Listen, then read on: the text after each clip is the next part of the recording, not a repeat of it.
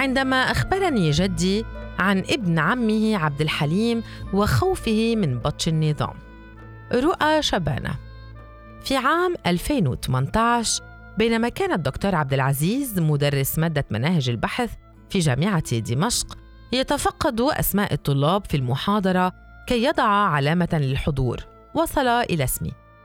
وقفت وقلت له رؤى شبانة. فاستغرب وسأل شو بيقرأ بك عبد الحليم؟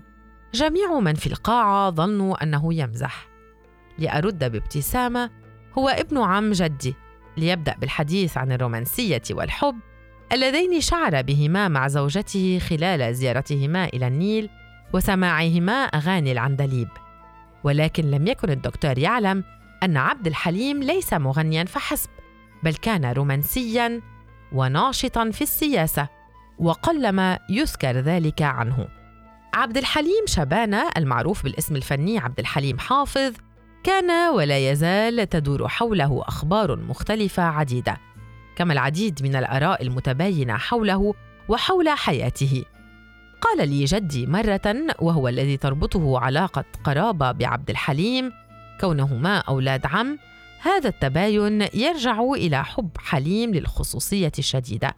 فلا يمكنك إيجاد شخص واحد يعرف كل شيء عنه بل إن كل منا كان يعرف القليل. لم يكن جدي معجبا بالنظرة التي ينظر بها إلى ابن عمه على أنه زير نساء أو كما صوره مسلسل قصة حياته بأنه لين إذ لا يليق بعبد الحليم تصويره بهذا الشكل. فلطفه مع الجميع ومبتغاه في البعد عن المشاكل لا يدلان على جبن على الإطلاق. يذكر لحليم الكثير من المواقف المميزة التي غيبت سواء داخل الوسط الفني أو خارجه. قليلا ما كان جدي يحدثنا عن أيامه القديمة ففي شبابه كان ناشطا بين الأحزاب واسمه مذاع في تنظيمات الشباب ما شد عبد الحليم إلى الذهاب معه ومعاينة أوضاعهم من قرب.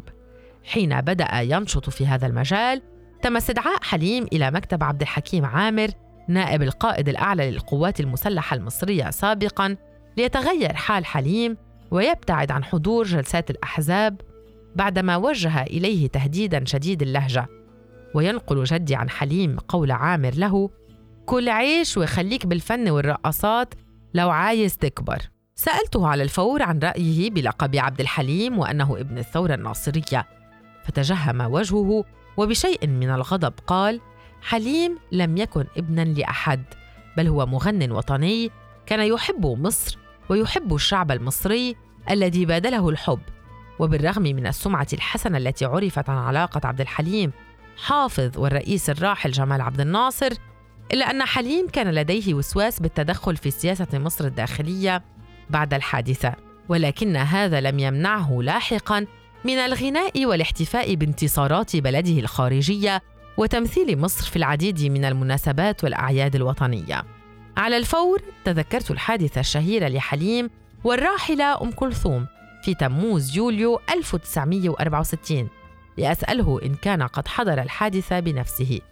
فيجيب لم تستطع السلطات إخفاء هذه القصة كغيرها من القصص ومنع الصحافة من تسريبها حيث أنها حدثت في حفل عام ولم يكن السبب الرئيسي لانزعاج حليم هو عدم رغبته في الغناء بعد أم كلثوم ولأن الجمهور بالفعل سيكون متعبا بل كان لأن حليم كان يصارع المرض وقتها بالفعل ولم تكن لديه القوة الكافية للانتظار خلف المسرح للغناء فجا كما حدث.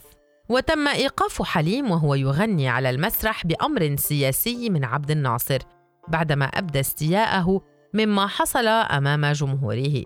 يضيف جدي لكن هذا لم يكن كل شيء. فلاحقا في تلك الليلة تلقى حليم مكالمة عند الساعة الخامسة فجا يهدده فيها عامر عبر الهاتف كما أخبرتني عالية أخت عبد الحليم.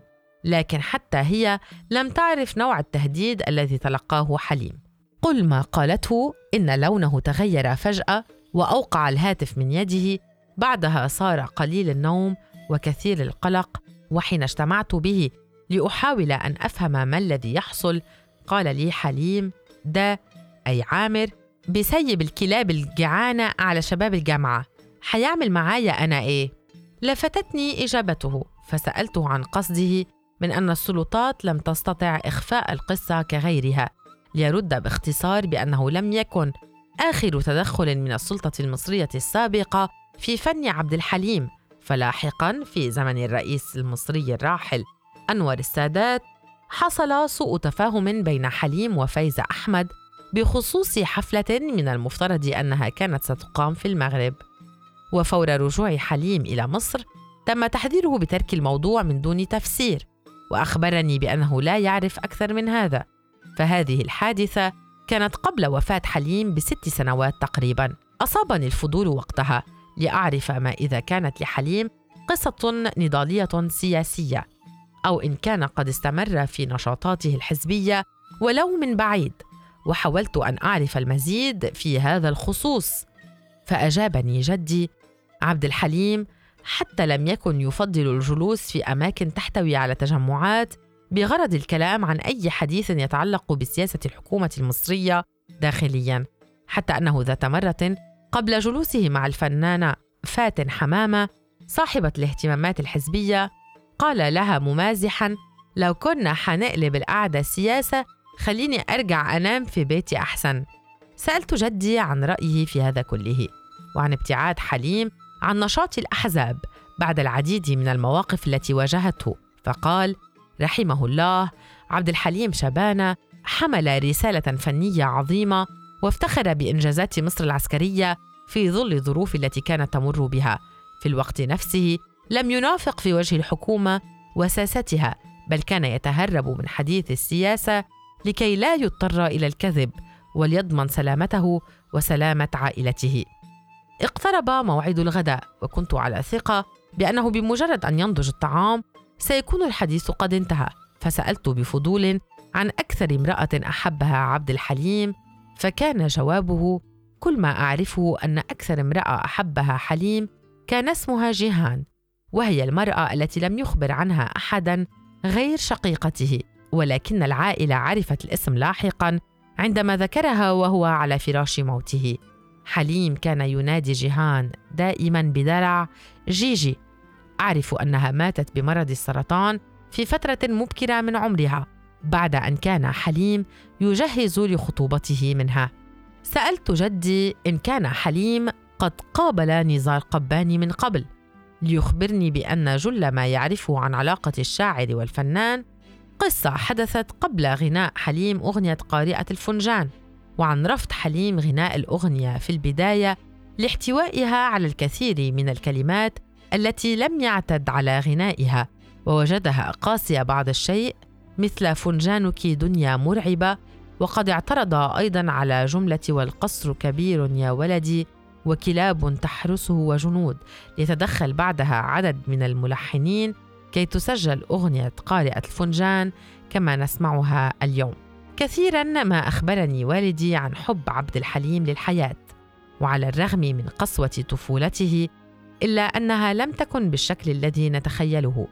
فحب أخته عالية له هون عليه مرارة الأيام في صغره وحب جميع الناس له هون عليه مرضه الشديد وألامه المختلفة. في ذكرى ميلاده كل سنة ونحن بخير ونستمع إلى أسمر يسمراني وأهواك والعديد من الأغاني الرومانسية والوطنية والفن الذي لا يموت.